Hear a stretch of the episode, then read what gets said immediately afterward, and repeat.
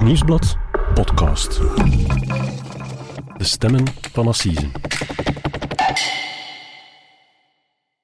Ja, er is iets echt ay, gebroken en kapot gemaakt. Ay, want ja, de, er zijn veel toffe foto's van ons drieën.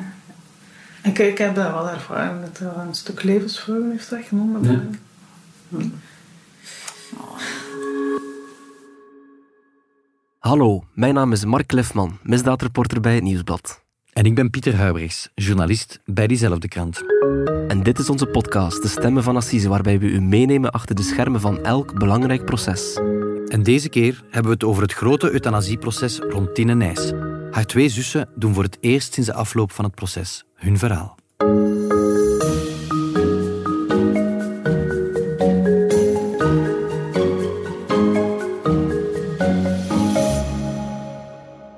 Pieter. Dag Mark. Pieter, welkom terug in onze podcaststudio voor meteen de, de laatste stemmen van Assisen van dit seizoen van 2023. Het jaar Eh, zit erop. Het jaar zit er bijna op en wij, zijn er, wij gaan er ook even tussenuit in de kerstvakantie. De voorbije weken zijn er ja, toch een drietal eh, ja, ophefmakende assiseprocessen geweest. Er was Mhm. in Tongeren het proces rond de zogenoemde martelmoord. In Brussel was er dan het proces rond de Rwandese genocide. En in Gent, daar hebben we het eh, vorige week over gehad, eh, was er het proces rond de moord op een Albanese man door twee zogenoemde vrienden.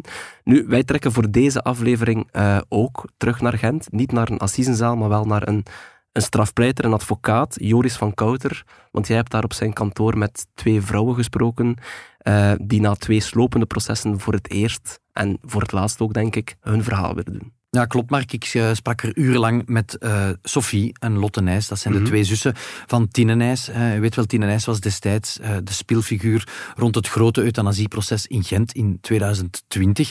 Ehm Tine Nijs is gestorven nadat ze een, ja, een euthanasiespuit toegediend kreeg, na een beslissing van drie dokters. En de twee zussen die, die waren destijds burgerlijke partij en ja, die, die getuigen voor het eerst hoe ze dat ja, zeg maar internationaal proces, want de hele wereldpers streek neer in Gent, hoe ze dat beleefd hebben. Tot in de Verenigde Staten zelfs waren ze er. Ja, ja, omdat het een unicum was. Hè. Er stonden eh, voor het eerst drie dokters terecht op de beschuldigde bank. Dat was al heel speciaal. was een unicum in ons land. Eh, ja, zeg maar een unicum eh, in de wereld.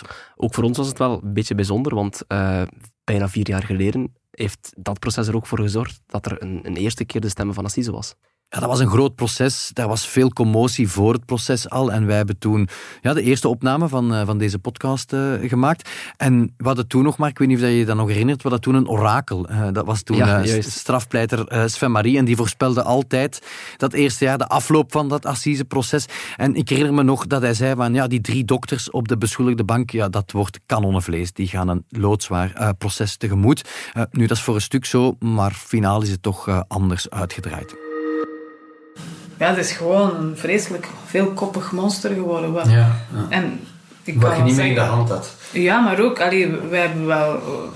Dat heeft ons getekend wat, wat er allee, nadien gebeurd is. Dat was toch natuurlijk absoluut niet de bedoeling.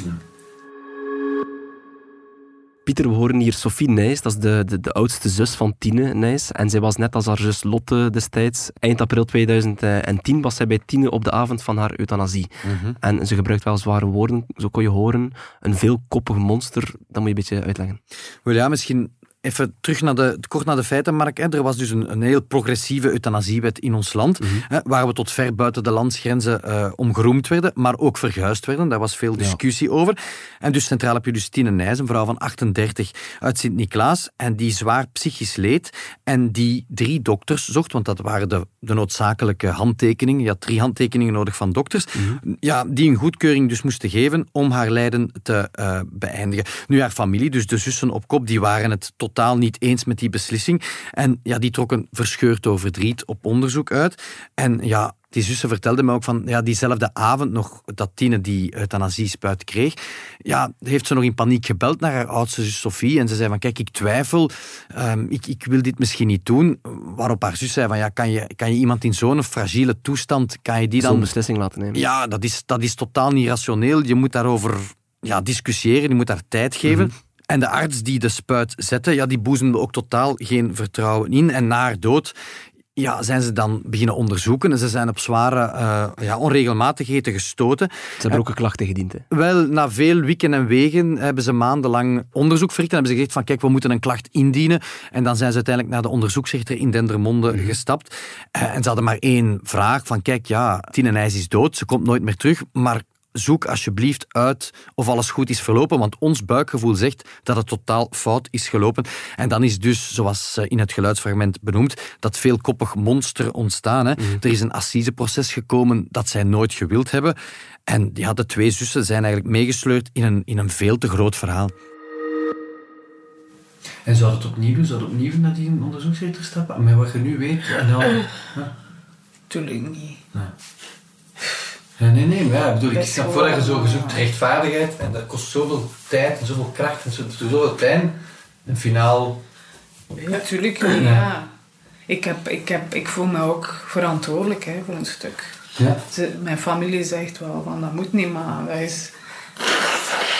Nee, mijn, mijn, mijn moeder heeft een hartstilstand gekregen op de nacht van de uitspraak. Ja, maar er zelfs toe komen, dat is... Ja, En dan, en, en, en, en je had dat verdriet... die...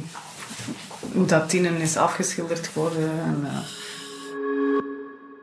Pieter woorden hier op, opnieuw uh, Sophie Nijs, de zus mhm. van Tine Nijs. Um, straffe woorden. Je zit dus met twee zussen die, die echt wel zoeken naar de waarheid op dat moment. En ik hoor haar ook zeggen dat, ze, dat hun moeder tijdens het proces in Gent in 2020 een hartstilstand kreeg. Ja, net voor de uitspraken eh, was dat, Mark. En, en moet weten, de mama van Tine Nijs was al een tijdje ziek en die mhm. kon onmogelijk komen getuigen. Sommige advocaten van de dokters trokken dat in twijfel, genre van... Dat ze niet durfde of zo? Ja, hoe kan dat nu dat de moeder niet eens kan komen getuigen?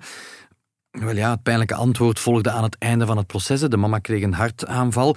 En je kan ja, stellen dat ze wel later ook echt bezweken is aan, aan dat hele monsterproces over haar dode dochter. Ze is gestorven van verdriet. Bijzonder pijnlijk. Ik hoorde die dochter ook zeggen dat ze het niet opnieuw zou doen, heel de procedure. Nee, en dat is die, die eeuwige twijfel in die hoofden van die twee zussen, hè Mark. Ehm, enerzijds, je zoekt die gerechtigheid, dus je, je stapt ja, hoe verdrietig ook uh, en hoe pijnlijk ook stap je naar die onderzoeksrechter. Dat is een hele stap, dat is geen evidentie.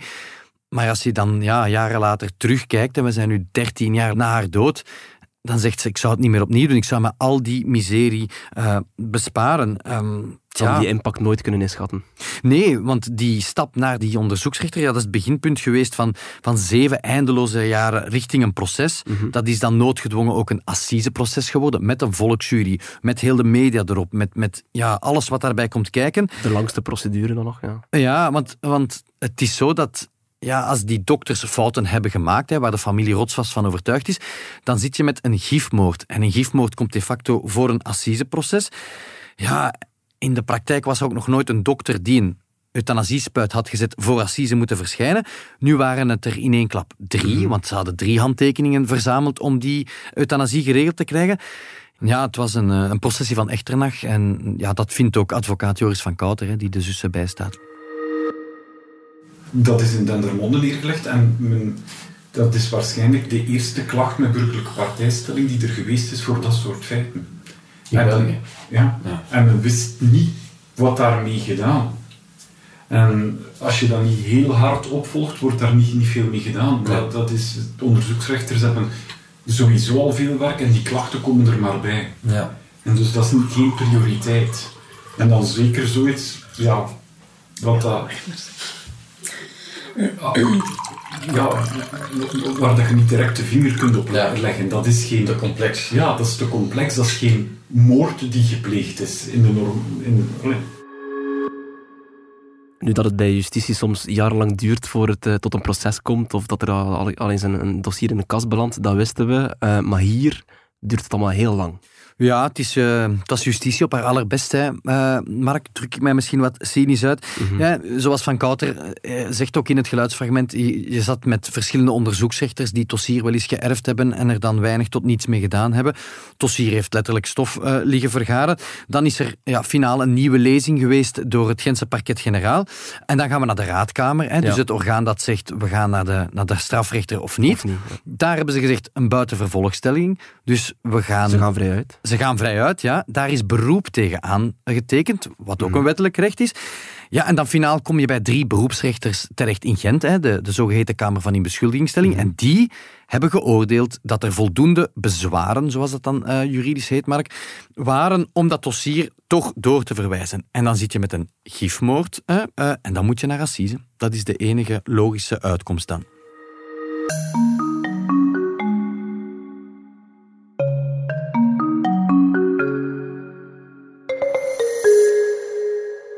Oké, Pieter, uh, drie jaar geleden, in 2020, kregen we dan ja, finaal dat uh, zeer beladen euthanasieproces met effectief de halve wereldpers uh, in de zaal.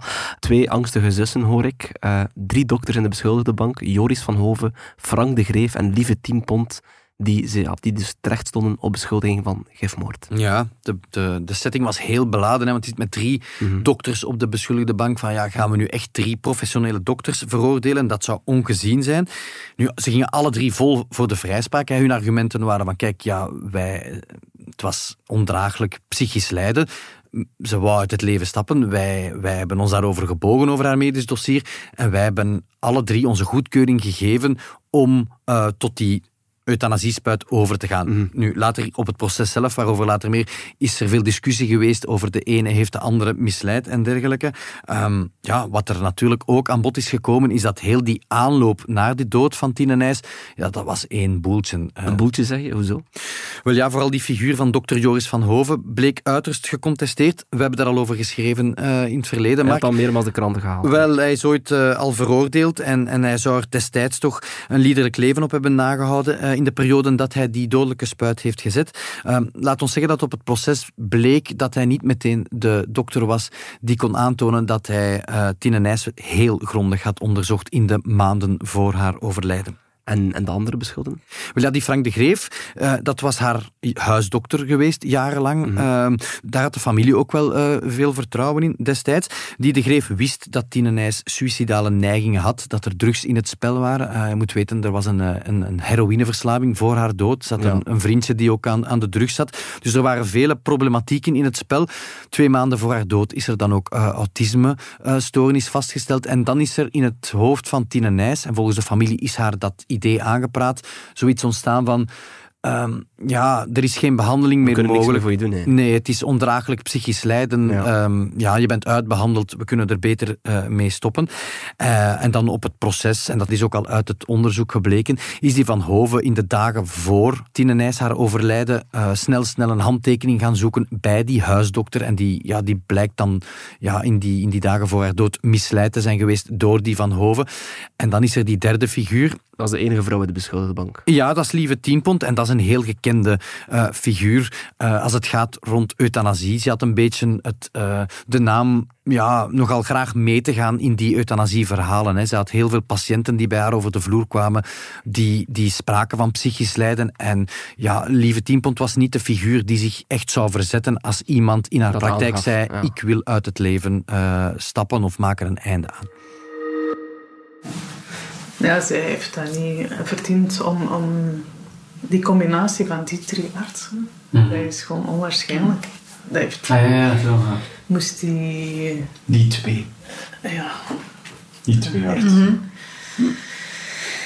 Moest die met andere... Allee, we hebben... Ik heb ze gesprek met andere psychologen, psychiaters. En die daar met veel meer zorg zouden zijn omgegaan. En dat is ook het, het lastige Tines verhaal. Als, uh, dat heb je met dat psychisch lijden. Zet dat voor tien psychologen, psychiaters. Die gaan daar allemaal een andere visie ja. over hebben, of een andere aanpak. En dat vind ik wel ook heel moeilijk. Pieter, het was een zeer bijzonder proces, ook met veel incidenten. Hè. Het proces heeft wekenlang geduurd. Maar ik mhm. herinner mij nog uh, dat een één advocaat, Fernand Keurenair, die moest zich plots terugtrekken uit het proces was een heel gedoe. Ja, na een 1 2 volgens de zussen uh, tussen advocaat Scheffermassen en, en, en, en ja, zeg maar de vader van de euthanasiewet, uh, Wim Distelmans. Hè. Ja. Het was incidentrijk. Hè. Ja, want bijvoorbeeld Scheffermassen die heeft ook heel vaak scherp uitgehaald, Walter van Steenbrugge ook. Uh, maar uiteindelijk finaal moest dan de jury in beraad gaan. Ja, en net voordien was er nog een opvallend momentje. Hè. De, de twee zussen die ja, ik al een hele week wel wat mokerslagen van de tegenpartij te verwerken kregen. Hè. De, de familie werd neergezet als een dysfunctionele familie familie. Ehm, er was sprake van, zogezegd, van alcoholmisbruik. En ja, heel de, heel de vuile was van Tine Nijs, maar ook van de familie kwam daar ongefilterd op straat. was natuurlijk heel, heel zwaar voor, voor die zussen. En die zussen vroegen net voor de beraadslaging, maar kijk, mogen wij nog het woord nemen? En zij mhm. vroegen aan de assisevoorzitter, Martijn Minaert, van ja, mogen wij nog iets, mogen wij nog een brief voorlezen, mogen wij nog een tekst voordragen?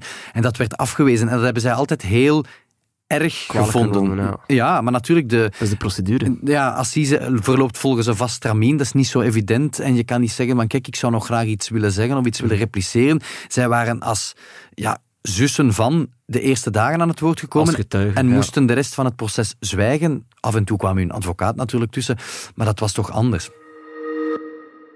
En dan dag na dag werd, werd dat zo'n monster en wij konden niks meer doen. Vandaar dat wij die iets, het woord wouden op het einde om toch nog eens iets te zeggen. En te, dat, dat was allemaal zo snel. Eh, die opeenvolging van, van onwaarheden en, en die pijn en die uitvergroting. En, en dat vind ik wel bijna fout dat wij dat niet hebben mogen doen. Ik herinner me nog dat de jury echt wel urenlang in beraad is gegaan die dag over de schuld. Mhm. En dat het verdikt, ja, pas, volgens mij dat pas na middernacht geval. Ja, ja, het was na middernacht. En, en later, veel later zou blijken dat die jury uiterst verdeeld was. Het was heel niep tussen schuldig, niet schuldig. Maar finaal zijn de drie dokters uh, vrijgesproken die, die nacht en ze mochten huiswaarts. En, en ja, de jury motiveerde van kijk, ja, aan de wettelijke voorwaarden om die euthanasie uit te voeren was voldaan. Ja, tot grote tevredenheid natuurlijk van die drie dokters. Zij waren onschuldig. Maar ook bij uitbreiding van hun beroepsgroep. Hè, van ja, stel u voor, maar drie dokters die naar de gevangenis zouden moeten. Uh, ja, het, het kot zou te klein zijn. Uh, maar ja, je had ook al die progressieve stemmen achter die hele euthanasiewet, die natuurlijk ook opgelucht ademhaalden. Um, ja, ook al was het een boeltje geweest, hè, dat is, daar zijn vriend en vijand het, het over eens. Maar finaal was er die, die, die vrijspraak met een dokter in de hoofdrol, ja, die Tine Nijs amper had onderzocht. En die moest toegeven op het proces dat haar medisch dossier eigenlijk onbestaande was. De twee artsen, de uitvoerende, de behandelende arts, dat is Van Oven, en de adviserende arts, de Greef, die hebben alle twee te kennen gegeven dat ze eigenlijk geen kaas gegeten hadden van enige psychiatrische problematiek, dat zij die diagnoses niet kunnen stellen, dat ze daar eigenlijk niets van weten. Dus het is ook wel zot dat twee dokters u moeten onderzoeken, die zelf te kennen geven, ja, dat is eigenlijk wel iets waar we niks van kennen. We hoorden hier dus ja, Joris van Kouter, de advocaat van de zussen. Het is duidelijk dat zij een, een hele ja, duidelijke visie hebben over de zaak, hoe het volgens hen is. Kan me voorstellen dat de tegenpartij, dat de dokters en hun advocaten dit wel helemaal anders zien. Ja, die hebben een totaal andere lezing van de feiten natuurlijk. Hè. En die zien zich natuurlijk gesteund in de beslissing van de jury. En dat moeten we ook uh, ja, duidelijk zijn, maar ja, de, de drie dokters zijn finaal vrijgesproken. Hè. Volgens, de, volgens de jury moeten zij niet naar de gevangenis, maar is alles wettelijk verlopen en mogen zij vrij naar huis.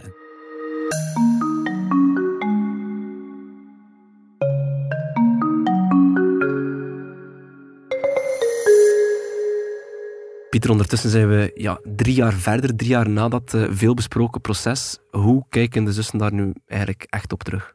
Wel, ja, ik heb u een paar uur geïnterviewd uh, recent. En ik moet zeggen, het is, het is voor, voor hen, dat merk je vandaag nog, echt een mentale beproeving geweest. Een soort ja, slijtageslag, zeg maar. Ze zeiden mij van, ja, wij wilden iets heel simpel. Wij wilden erkenning dat het fout gelopen was. En zij houden een ongelooflijk wrang gevoel over aan die hele perceptiestrijd. Ze hebben het gevoel van, we hebben, we hebben dat is een tsunami geweest die over ons gerold is. We zijn als familie aangevallen. We zijn onze zus kwijt. Onze moeder. Onze moeder kwijt. We hebben heel veel moeten ondergaan. Terwijl het enige wat wij wilden, is geen wereldzaak, geen groot assiseproces, mm maar dat de dokter of de dokters, dat die zeiden, ja, er zijn fouten gemaakt in de aanloop naar en ze was niet uitbehandeld. En het is natuurlijk frank, drie jaar later, ja, als je dat assiseproces verliest, dat je mhm. in de kou achterblijft, ja, dan komt dat verdriet en, en, die pijn terug natuurlijk. Maar het is niet zo dat zij tegen de euthanasieprocedure te koer zijn. Ze zijn niet tegen het gegeven. Nee, en dat benadrukken ze ook. Hè. Ze zeggen van, kijk, wij zijn enorm geframed als soort van, ja, oerconservatieve anti-euthanasie. Mhm. Mensen, voor alle duidelijkheid, zij zijn helemaal niet tegen die euthanasiewetgeving as such. Het is een progressief gezin. Ze zeiden, we hebben zedeleer gevolgd, we zijn heel progressief opgevoed. Maar we willen wel dat ja, dat er gecontroleerd werd of Of hier... volgens de regels. Ja, en, en hun conclusie is, nee, totaal niet. Mhm. Hebben die zussen het gevoel dat, eh, dat, het, dat het anders zou geweest zijn mocht, mocht de zaak bijvoorbeeld voor een correctionele rechtbank gekomen zijn en dus niet voor een assiseprocedure, waarbij dat dan de zaak ja, wekenlang in de aandacht staat? Ja, ze vinden ja, eerst en vooral dat er veel te veel ehm, is verteld over hun zus. En daar hebben ze geen probleem mee dat er veel wordt verteld, maar ze zeggen dat er is zo'n beeld geschapen van onze zus. Eh, ja, zoveel, zoveel foute dingen, zoveel onwaarheden. buiten gaan. Ja. Ja, maar de fouten, vuile was in hun... En je moet je dat inbeelden, Mark. Ja, uw, uw, uw zus sterft in, in zeer ja, moeilijke, tragische omstandigheden. De maanden voor haar dood zijn heel turbulent geweest. Hè. Er, er is een verslavingsproblematiek, er is een stoornis vastgesteld. Eh, je zit met een zus die uit het leven wil stappen, dan weer niet. En dan wordt dat allemaal uitvergroot. En ze zeggen van ja, we hebben het gevoel dat we kapot gemaakt zijn. Dan wordt dat assisen. En assisen, ja, dat is een stuk theater. Dat is een stuk perceptie. En dat heb je niet meer in de hand. En dat is uitgegroeid tot echt een monster waarin dat, ja, op een machiavellistische wijze een verdediging gevoerd is van kijk, wij willen hem vrij en dat is, dat is mijn cliënt. En als daar iedereen kapot voor moet, dan gaat dat Dan kapot. doen we. Dan doen we dat. Dan doen we dat. En moet die familie kapot? Moet ik erop spuwen? Moet ik zeggen dat ze medeplichtig zijn aan de moord? Want dat, dat, zo is het proces begonnen. Van ja, je zat erbij en je hebt niks gedaan. Je hebt schuldig verzuim gepleegd. Nee, dat is waanzinnig wat er allemaal gezegd is. Ja, maar dat, ja, dat, alle, alle remmen zijn los dan. Nu, we horen eh, Joris van Kouter zeggen dat ja, assisen is theater. Nu, het, het is wel zo. Hè. Sommige, Natuurlijk. sommige processen zijn zo ophefmakend dat er wekenlang over geschreven wordt. Eh, ja, wij maken er ook podcasts over. Eh, de kranten staan er ook vol van. Vraag me wel af eigenlijk, hebben ze, hebben ze iets gezegd over hoe ze dat dan ervaren, de zussen, hoe de, de, de rol van de media? Ja, we moeten de dingen benoemen, hè, Max. Ze, hadden een heel slecht gevoel over aan de verslaggeving toen. Niet van onze krant bijvoorbeeld, maar van in het algemeen de media. Omdat natuurlijk, ja, er werd, alles werd live vers- verslagen. En ja, dat je alles gewoon live kunt lezen de hele dag door. Ja, en dat eh, leidde tot ja, ongenuanceerde dingen. Zij zeggen leugens, onwaarheden die ongefilterd naar de buitenwereld eh, worden gestrooid. En ja, dat zorgt natuurlijk voor pijn en teleurstelling en boosheid en frustratie bij de betrokkenen zelf, die erbij waren.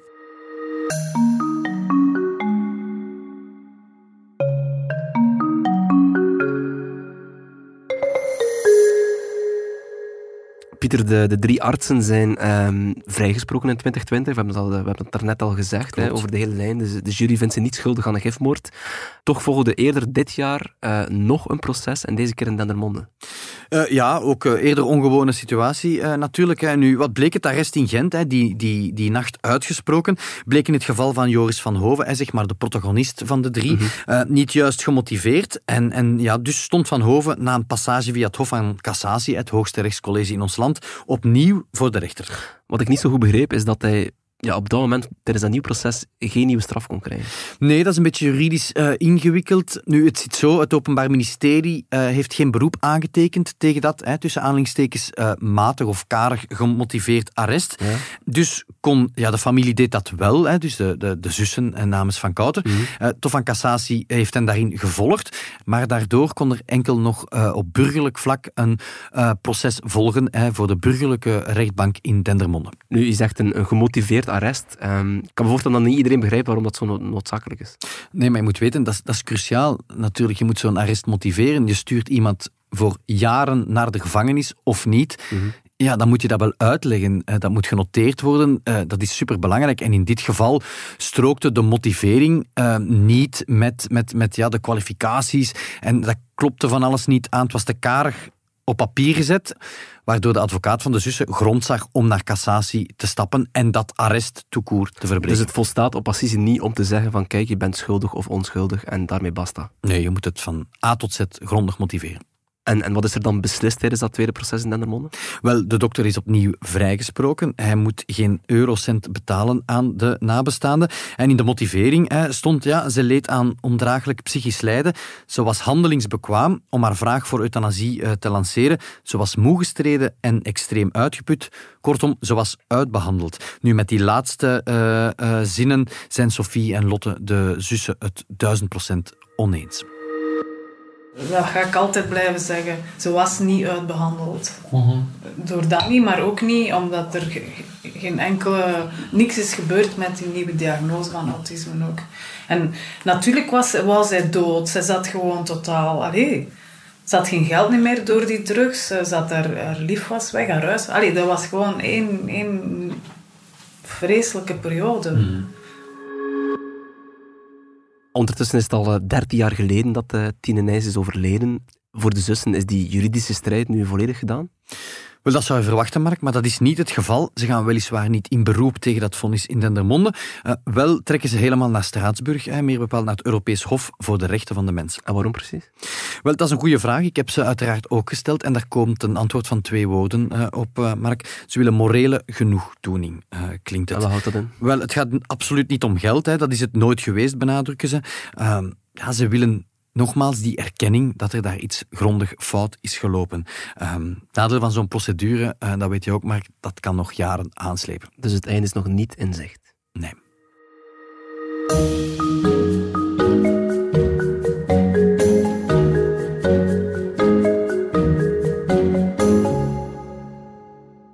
Oké, Pieter, dus de, de, de, zussen die wilden absoluut uh, nog één keer de stilte doorbreken en heel hun verhaal. Um, je, hebt, je hebt ze dus uh, ja, lang geïnterviewd en er volgt zaterdag ook een, groot interview in onze weekendbijlage in de Nu.